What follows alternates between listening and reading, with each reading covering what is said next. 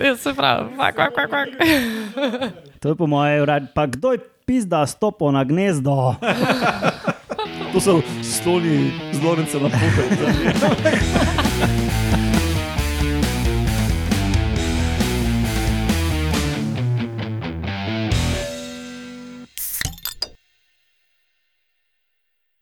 Lep pozdrav, poslušate 103. oddajo Metamorfoza, podcast o biologiji organizmov, ki ima svojo spletno postajo na medijski mreži Metina Lista.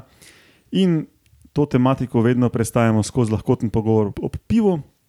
Danes klasična zasedba, Urša Fležar, Roman Luštrik, Laura Rozman, Alenka Rozman in jaz, Matjaš Gregorič, Servus Folk. Ja. Lepo ste uglašeni. In spet klasična epizoda z novicami, ker bomo govorili o šimpanzih, ki znajo menda odpirati oklep želv, zato da, da jih potem pohrustajo, pa o habituaciji v kontekstu izbire partnerja. Pa ali ste vedeli, da se sloni bojijo čebel? In vaški posebneži, orjaška nepenta, največja meseveda rastlina in zapisal sem si japonska orjaška rakovica. A to je kot una buba. Japonska buba. Ja. največji rak na svetu. Uh, ja, no in um, povemo še, kdaj to snemamo. Na današnji dan, leta 1889, se pravi pred 130 leti, se je rodil Igor Ivanovič Sikorski, ruski letalski inženir. Znan pa je potem, da je zgradil prvi uporaben helikopter in prvo letalo s štirimi motorji.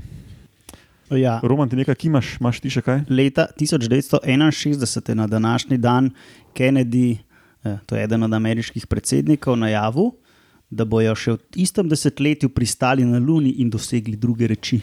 In to jim je uspelo. Ja, zdaj, če, če boste uh, googlali YouTube ali ta zgovor, ne, to je tisti znan, ki Kennedy re, ti znan govor, ki Kennedy reče, ne, da, da bojo to naredili zato, ne zato, ker je lahko, ampak zato, ker je težko. Tisti uh, njegov hard. Um, Vse zdaj, valjda ne vem, niti približno na pamet te številke, ampak um, nek blazno velik procent budžeta so takrat v to vrgli. Pa ne vem, koliko tavžnite folka je samo na tem delalo. Ja, leta neko- in leta. Ne. Neko milijon človeških ur je bilo. Ja, to, ja, no. grozno, dosti ja. napora. Splačal se pa je. Kaj imamo še kaj zapovedati, preden štartamo? Meni se zdi, da sem ta uvod fulnega hitro skozi dal. To je zato, Matjaš, ker smo se že prej ogreli Ja, z 102. epizodo. tako je, ja, verjetno Ja. to, to je. Mhm. No, dobro, te pa kaj štartamo z novicami.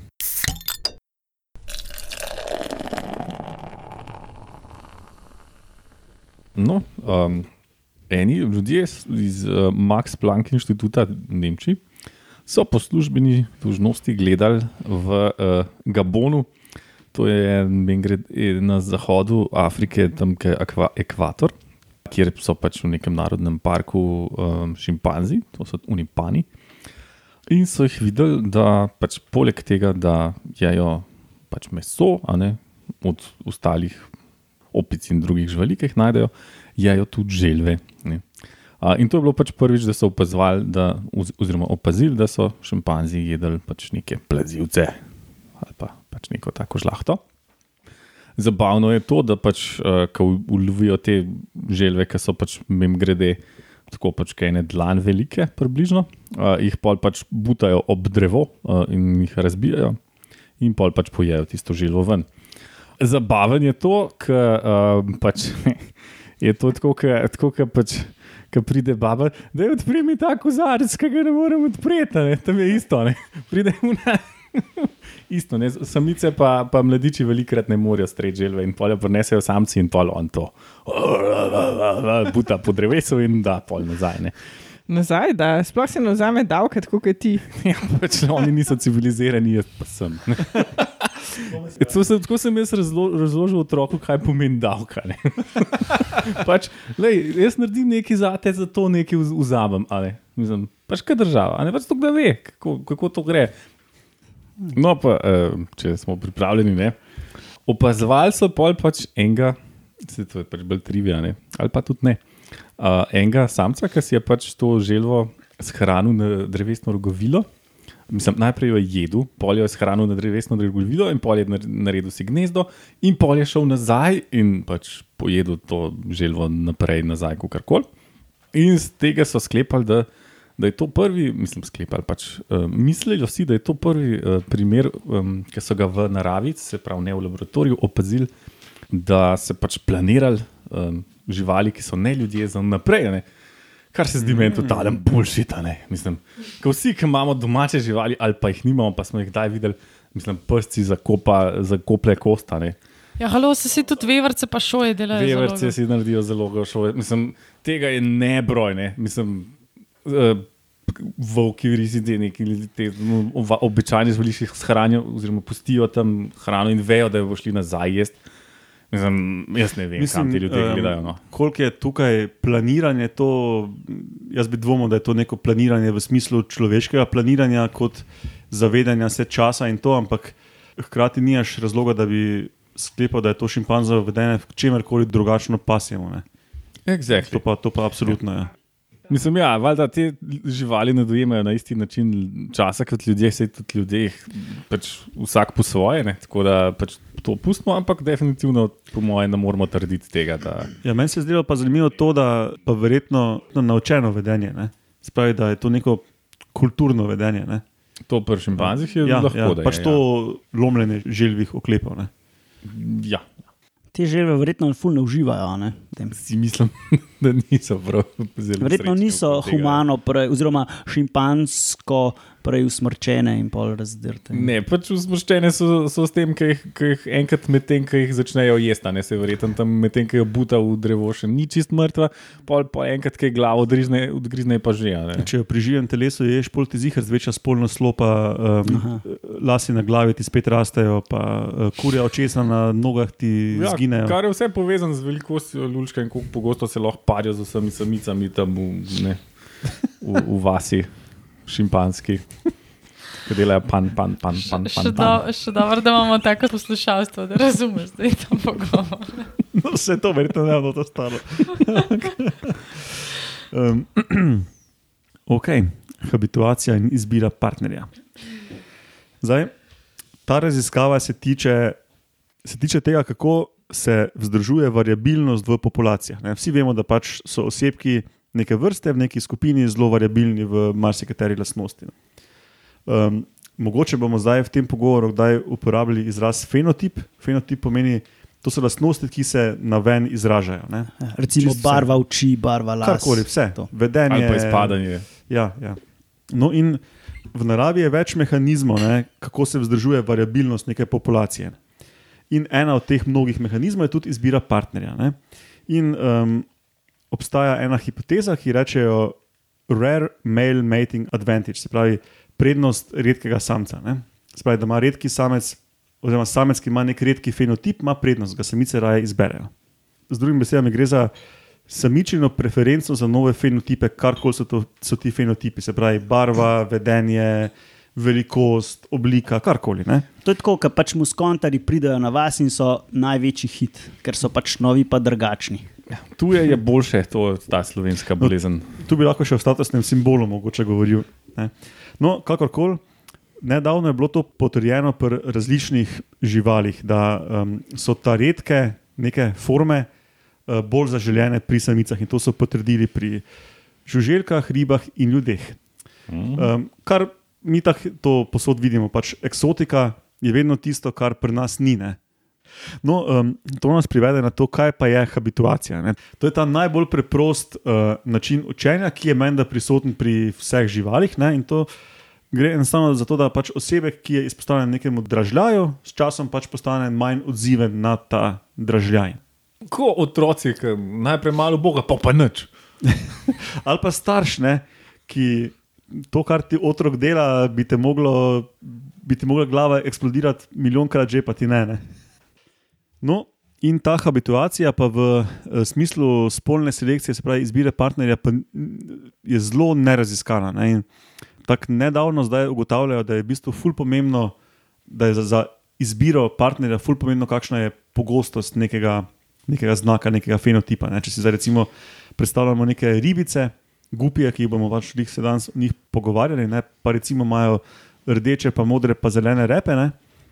To je zdaj znano, recimo pri ribah, pa pri ptičjih, da neki fenotipi, ki so redki, jih samice raje izbirajo. Ne. ampak ne vejo pa čisto zakaj, kaj do tega prihaja. Ne. In ta študija danes, ki jo predstavljamo, je pa prva, ki so pa pogledali, če pa dejansko izpostavljenost neki lastnosti habituira samice na to lastnost, pravi, da se navadijo te lastnosti in so pač to, ja.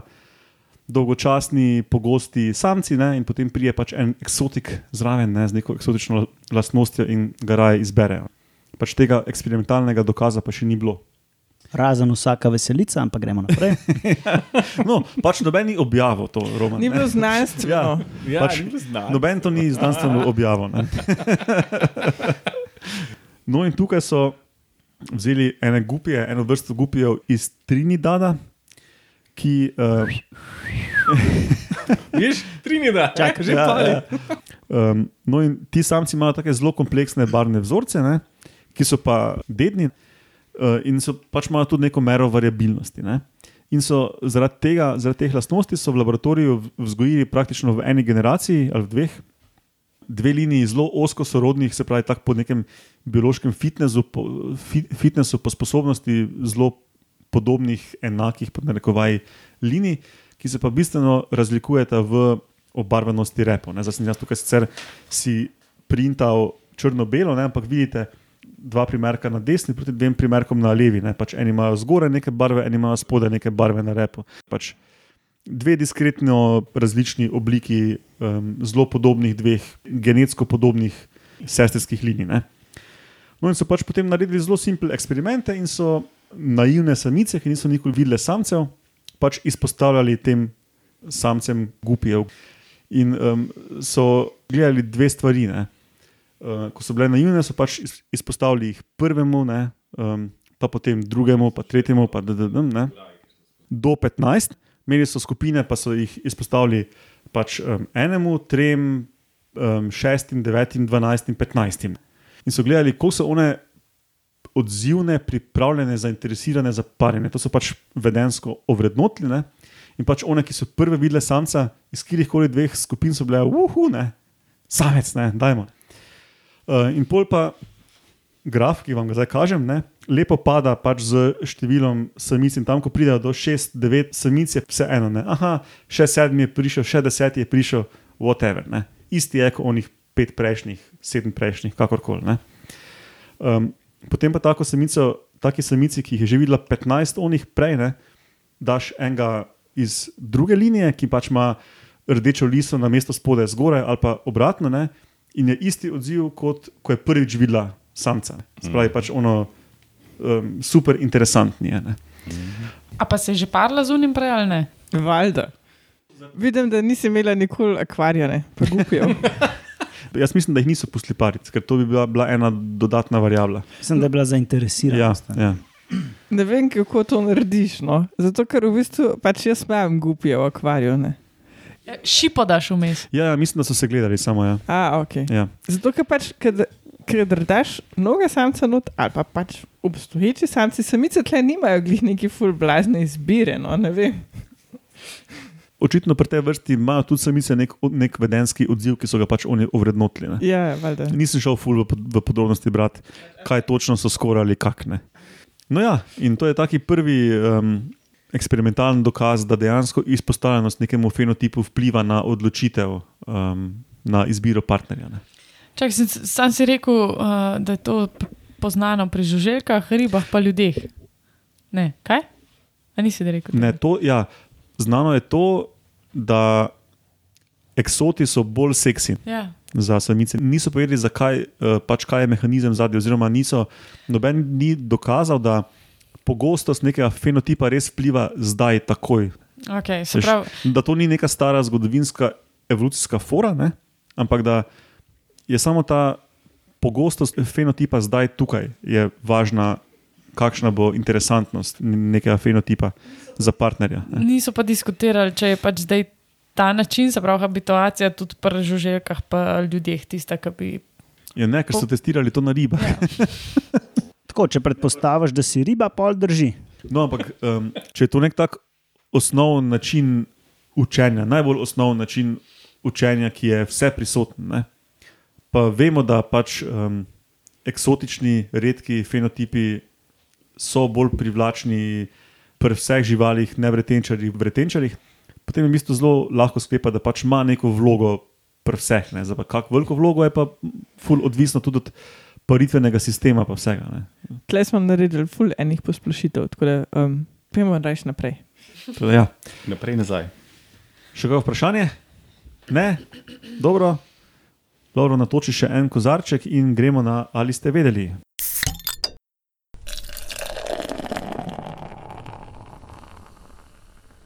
Urša, sloni se bojijo čebel.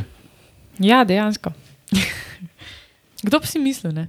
Take največje v bistvu, kopenske živali, kar jih imamo, pa so v bistvu tako ranljivi, oziroma se zmenijo zato, da neki okrog njih brenči in jih pika. Trdo kožo imajo, ne? Ampak ne posod, ne? imajo tudi tiste ta, uh, najbolj občutljive dele, take weak points, kot bi se temu rekli. In očitno je to dovolj, da so razvili totalno divji odziv na to, če slišijo pač razjarjen roj čebel. Gre se za to, da uh, so raziskovalci, ki se že v bistvu nekaj časa ukvarjajo z odnosi med sloni in čebelami, tudi v smislu um, konfliktov slonov in ljudi ne, v Afriki. So zdaj objavili en, en članek, ker v bistvu so spet z enim simpel eksperimentom, ker pač meni so všeč te simpel eksperimenti, ki razložijo eno tako zelo logično, v bistvu logičen pojav. Um, so pokazali, na kakšen način, oziroma tudi razložili, zakaj, zakaj sploh pač se sloni bojijo čebel. ne. Um, pa da gremo mogoče od začetka. Ne. Prav, zakaj se sloni sploh bojijo čebel? Ja, zato, ker pač čebele, afriške še posebej, so full agresivne ne? in one. Ko začnejo se bojevati, pač brant, uh, začnejo seveda pikati. ne. In sloni, seveda, imajo tiste občutljive točke, ne, okrog oči, v, v, v rilcu, ne, okrog ušes, kjer je pač koža dovolj tanka, da čebela skozi skoz njo lahko slona piči, in seveda, če je veliko čebel, to lahko ful boli. ne. In sloni so v resnici tako nežne dušice, ne? tako da raje se temu izognemo, če se lahko. Tako da so v bistvu tekom evolucije razvili ta odziv, da če zaslišijo, da začnejo čebele se agresivno, v bistvu to ni glih rojenje, no, ampak je, kako bi se temu rekli. Um, Na zoporen način začnejo zujiti, ja, ja. ki pač to zaznaš, ki pač na neki točki ugotoviš, da tole bo pa mm, z- začel biti eh, boleče ali pa zoprno. Pa pač porajtaš po Ja. ja. frekvenci unga, V bzz, Ja. bistvu, v bistvu ne rojijo, ampak pizdijo. pizdijo, Pizdijo, ja. ja. Piz, pizdahajo. Se pravi, ker čebele začnejo na določen način pizditi, ne, uh, to sloni seveda zaznajo, skužijo in se umaknejo. a ne. Tako da to so v bistvu. Da, da, So, so zelo dobro testirali. ne. Um, posneje so seveda ta uh, pizdit od čebel z enim takim full uh, kvalitetnim zvočnikom, ne, uh, mislim, mikrofonom. In uh, so ta zvok potem predvajali slonim družinam, ki so mirno počivali nekje v savani ne, in so spremljali, kako se bodo odzvali na zvok. Ne. Niti ne na to, da čebela dejansko pride in začne pikati, ampak samo na un zvok. Ne. In kaj mislite? Ne? Pač od 17 je 16 slonih družin totalno pobegnil v roku 80 sekund, polovico je pa je hiter. Ja, polovico pazi, jih je pa že po desetih sekundah začel kazati tu neznake, ofak, ofak, ofak, gremo stran. Ne. So že ploskali z ušesi. Ja, pa dejansko pa je prav tak poseben tip um, tega um, godrnjanja, začnejo ne sloni, un, neko karkoli pač oni delajo. Priznam, da še nikoli nisem slišala slona godrnjati. Prevedeno, verjetno, opizda, opizda, opizda. Ja, leti." ja, tako, ja, se pravi, fak, fak, fak, fak. To je po mojem. Pa kdo je pizda stopo na gnezdo? To so sloni z Lorence na pohod. Alenka, po mojem nisi še slišala, ker imajo tako ful nizke frekvence oglašanja, pa po mojem se ful težko sliši. Zato nisem slišala. Ja. Siher. Uh, kaj, kaj mislite, pa, da, pa, da je bila kontrola, ne? da so preverili, da ni to samo pač nek zvok brnenja, na katerega sloni reagirajo, ampak dejansko prepočunajo, da gre to za čebele? Um, Newyorški promet. Uh, cestna. Sršeni. Obično rojenje čebel. Ne, dejansko nek white noise, kot si ga predstavljamo na televiziji, kaj kš, ne. In vsi dobimo nič točk. Ja. In uh, res, mislim, pač to zelo očitno je bilo. No? Zelo simpel poizkus, to je to. Ne? Oni sloni zreagirajo in um, vemo, da to deluje. Ne? In kar je pa najboljše od tega, je pa to, da so seveda zgodbo napeljali na, na argumentiranje, zakaj ta organizacija, ki je sploh objavila ta članek, uporablja to vedenje za to, da preprečujejo konflikte med sloni in ljudmi. Ne? In sicer pač. So ugotovili, da, da mogoče sploh ni nujno, da postavljajo čebeljake okrog pol ali pa polščin, oziroma njiv, um, katere sloni zelo pogosto um, v bistvu razsujejo oziroma um, uničijo, Pojejo. ne, ja, pojejo. Um, za obrambo, ne, da imajo pač na mesto graja, imajo okoli in koli čebeljake, ampak dovolj. Predstavljaj si, da tonska srna pride na polje koruze. Naprimer. Um, ja. Nas smo vprašali, če tam imajo pa slone, ne? s tem, da slon, komod, mislim, veliko bolj zlahka ubija človeka, še, ali pa celo vas tudi poteptane, ne pa sam je potencialno nevaren, kot prašič. No, skratka, um, pač implikacija te študije je, da lahko sam predvajamo zvok jeznih čebel, pa bojo že sloni, sloni šli stran. Ne? Je to, kar se zdaj malo pač zakamuflirala, pač marsikje, ker so sloni um, še prisotni zunaj nacionalnih parkov, ljudje postavijo čebeljake okoli pol. Ja. Ja, veš, um, jaz sem pa prebrala, ker sem se slučajno tudi za to isto pripravila, danes, ker sem bila zelo prisebna. Sem pa najdela, da v bistvu se te sloni, ki se nikoli niso srečali s pikanjem čebel, se pa pol ne odzivajo na, na posnetke. To je pa res. Ja. Tako da, v bistvu, če postaviš čebeljake, panje ne, na vsakih 20 metrov, zadeva odžene 80% slonov in stane eno petino cene električne ograje, plus kmetija dobi nov vir zaslužka. Tako da se kar splača. Ja, sam je pa del s tem. ne. To je Ja. tudi glaven argument proti mrežam eh, električnim pa v Sloveniji. tako da To je sam, treba, to je sam del. Ja, to je sam del s tem mrežam. Pa država mora volkove v go- v gmaj držati, ker so od države, kmet bo pa krave na pol držal, ker so njegove. Sam v Afriki je malo drugače, full folk nima kaj za delati, pa bi si želeli. Ne? Tako da, če jim pač ta mm, vir um, dela in zaslužka Ja. ponuda, še to plus. Ne? Tako da, še posebej pač v vzhodni Afriki, ker to delajo. In ta organizacija, Elephants and Bees, ne, um, meni je bilo full fajn, da sem dobila zdaj to za, za prebrati in za povedati, zato ker jaz, ko sem iskala službo ne, po študiju. Pač polne pol leta, ki ni bilo noč, ne, na kar bi se sploh lahko prijavila, sem se že odločila, da če pa ne bo noč, bom šla povolontirati k njim. Ne. Si dobila podiplomsko depresijo? A temu se tako reče, ali kaj? ja. Tako da, pa sem pa dobila kle službo, no, tako da nisem šla dol, ampak mogoče še kdaj pride priložnost. Ja. Škoda, ker pri naših medvedih ta zvok čebel v bistvu ima kontraefekt. ne. A ja, to sem hotela še povedati. Ne? Oni pol producirajo med, ki ima elephant friendly label. Ne? A kdo ve, pač pri nas smo, zdaj vzpostavili medvedu, Medvedu prijazno. med, ja, ja. Ja, no, tako da sicer mal, mal drugačna zgodba je v zadju, ne, ampak je pa pač. Isti, un, ista filozofija zadaj, se pravi, um, na, na nek um, ne, ne, neranljiv način v bistvu pomagamo ohranjati te populacije slonov oziroma medvedov. Ne, tako, da, ja. Pomagamo ohranjati medvede, da jih lahko več streljamo. Eh, Kaj je medvedu prijazen med? Čebeljak, ki ima okoli električno ograjo in pol ga medo ne, ne more pojesti. In odganjaš medvede na medvedu prijazen način. Ja. In Čakaj, ne letalno. Kaj je zdaj medvedu prijaznega? Ja, da ga ne ustreliš, to je že ful prijazno. Ja.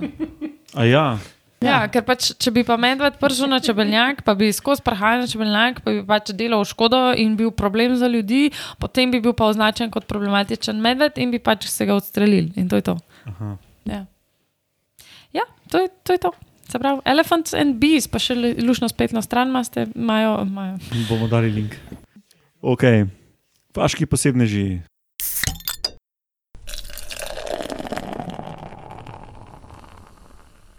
Ne, če gremo na Borneo, Ja, pojmo. no, Tam je doma orjaška nepenta ali po latinsko nepentes raja, katere listi zrastejo do 50 cm, ampak to ni edina stvar, zakaj je posebna. mhm. Uh, Tom, tom, posebna bo tom. še, Od ker marsikere rastline do 50 cm. Zašto? ja, kot sem jaz povedal, je pač največja ta mesojedka, oziroma vse ta, kaj so to košarnice. Ne. Kaj so? Nepentes. Vrčkovke. Vrč- Vrčkovke. Ja. A pa to ni una, ki smrdi po gnjočem mesu. Ne, to ni Ne, ono. ne, ne. To so te mesojede. Te, ko imajo ta tulec, veš. A. eh, Tisto je roža z največjim cvetom. Tako, ja, ja zamešala sem. To pa je največja mesojeda rastlina. Te, ko dobiš tudi pri nas, ja, ko pač imajo te Mhm. tulce z poklopcem. To so v bistvu preobraženi listi. Ja, Ja. tako je. No, a bi kdo rad ugibal, kaj ta rastlina je kot mesojedo? Mislim, jaz že vem. Miši, Jaz tudi vem, ker sem prebral ime. Ne, to pirje.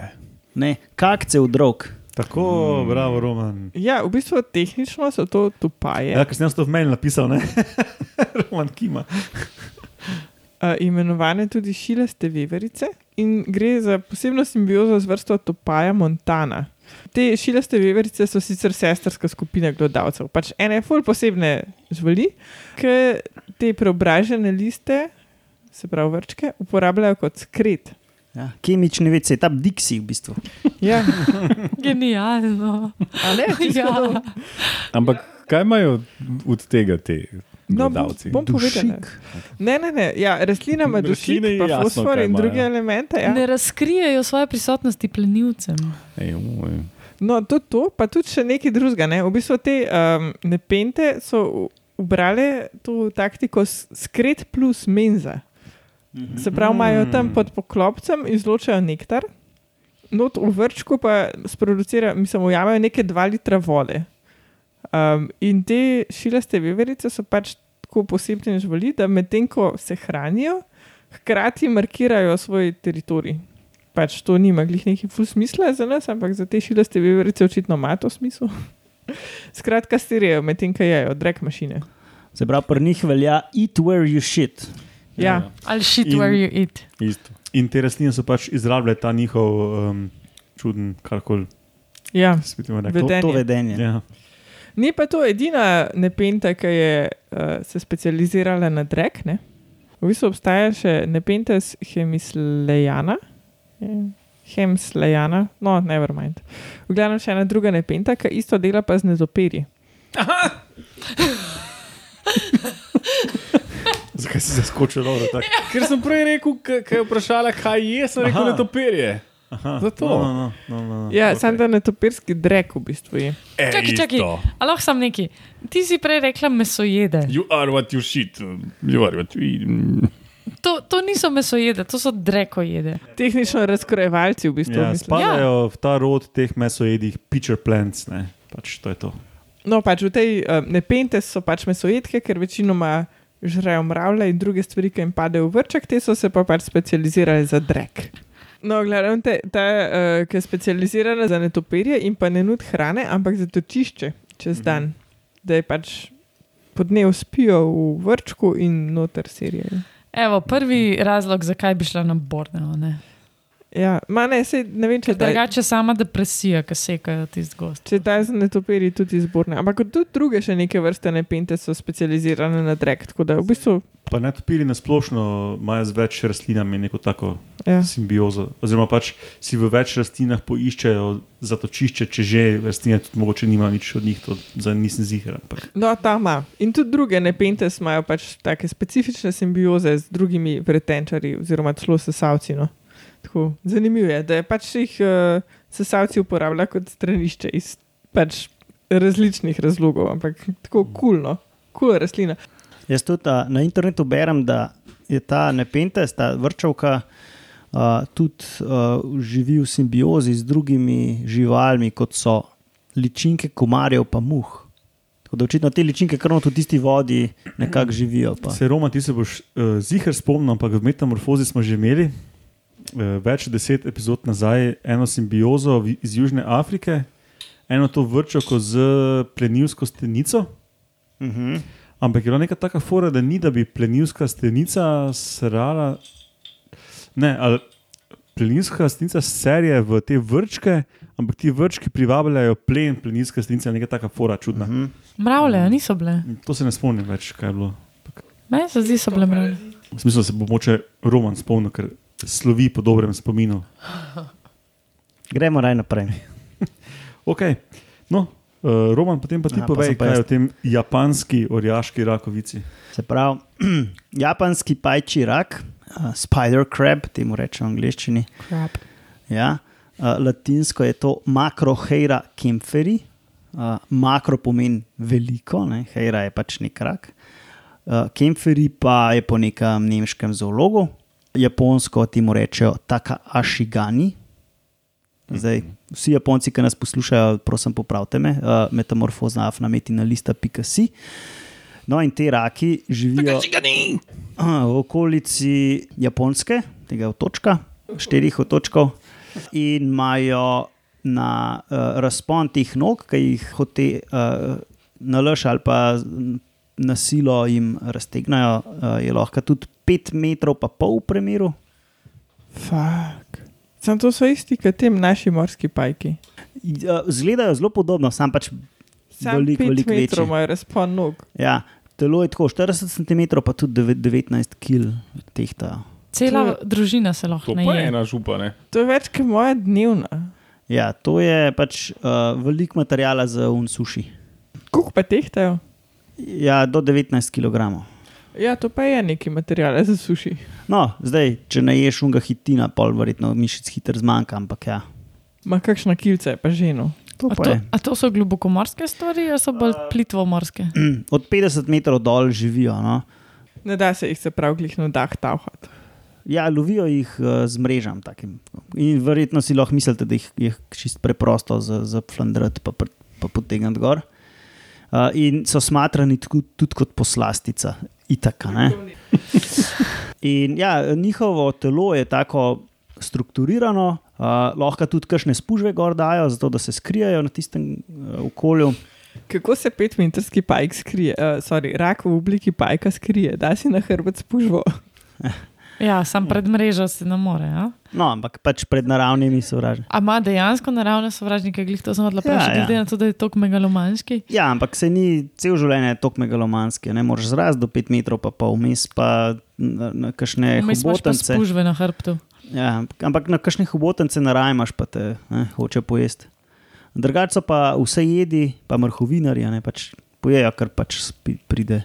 Zdaj inferiram, da njihovo meso uh, tastes like chicken, verjetno. Ali pa shrimp. Je Ja. like crap. Crap. Uh, Uh, Roman, sorry, nisem bil prepozoren, glih malo. Um, si povdaril, da to niso morski pajki. ne, ne, da to so, rakovice. to so dejansko raki. Ke, No, ampak so rakovice. oh, med rake spada in rakovice, ja, seveda. Ja, ja. In uh, kot sem omenil, a ne, so, uh, jih smatrajo kot poslastice in so seveda že prelovljeni. ne, In skozi globje, skozi globje vode morajo iti, zato da jih ujamejo. Ja, no, trenutno so to največji živeči pajki, eh, raki.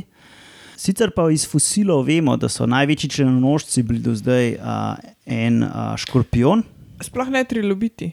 Jekelopterus, to je nek škorpion, ki je meril uh, telo, njegovo telo je merilo v dolžino 2,5 metra. pa pol. Ha, a je bil na kopnem, valjda. To je bilo takrat, ko je bilo fulki sika.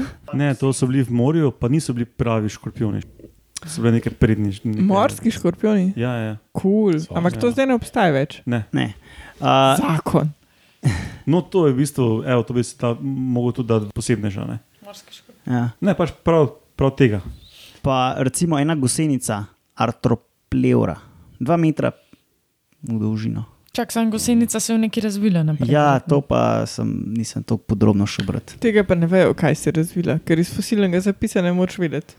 Se pravi, največji rak, ki zgleda kot pajk, sam ni pajk, ampak je rak, pa prelovljenje, se pravi, bo verjetno malo izumrl, pa velik je več kot moja dnevna. Se pravi, Pa čim naj- prej ga je treba probati. ne.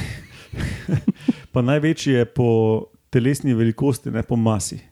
Tako. Mislim, da po masi je neki, neki jastok. je Jastok, ne. ameriški jastok. Ja, ja, nekaj takega. Ima nekaj prek 20 kg, nekaj takega. Mhm.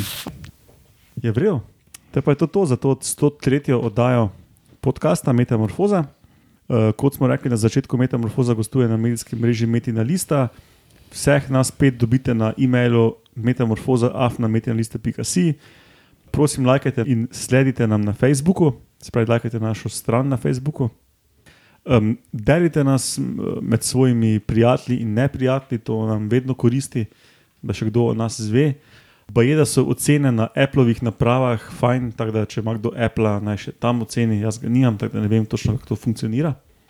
Ja, na Twitterju smo pod hashtag Metamorfoza, tam je Roman pod Etromunov, pa jaz pod Ed Matjaš Gregorič, Urša tebe sploh ne omenjam več, ker te itak. Ne, Afna gozdna jozica. Urša, Urša je dala palec gor. Ne. Ne se bo Urša tudi dobila enkrat boljši telefon, pa bo imela tudi Twitter lahko. V bistvu ga imam že par mesecev doma in zdaj si ga bom po mojem zamenjala zvečer, ko prijem domov ali pa ne.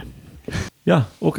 Torej, hvala vam štirim za sodelovanje, poslušalcem za poslušanje in, In se doniranje. Slišimo, ja, in tudi to. In se slišimo prihodnjič. Ajde. Ja.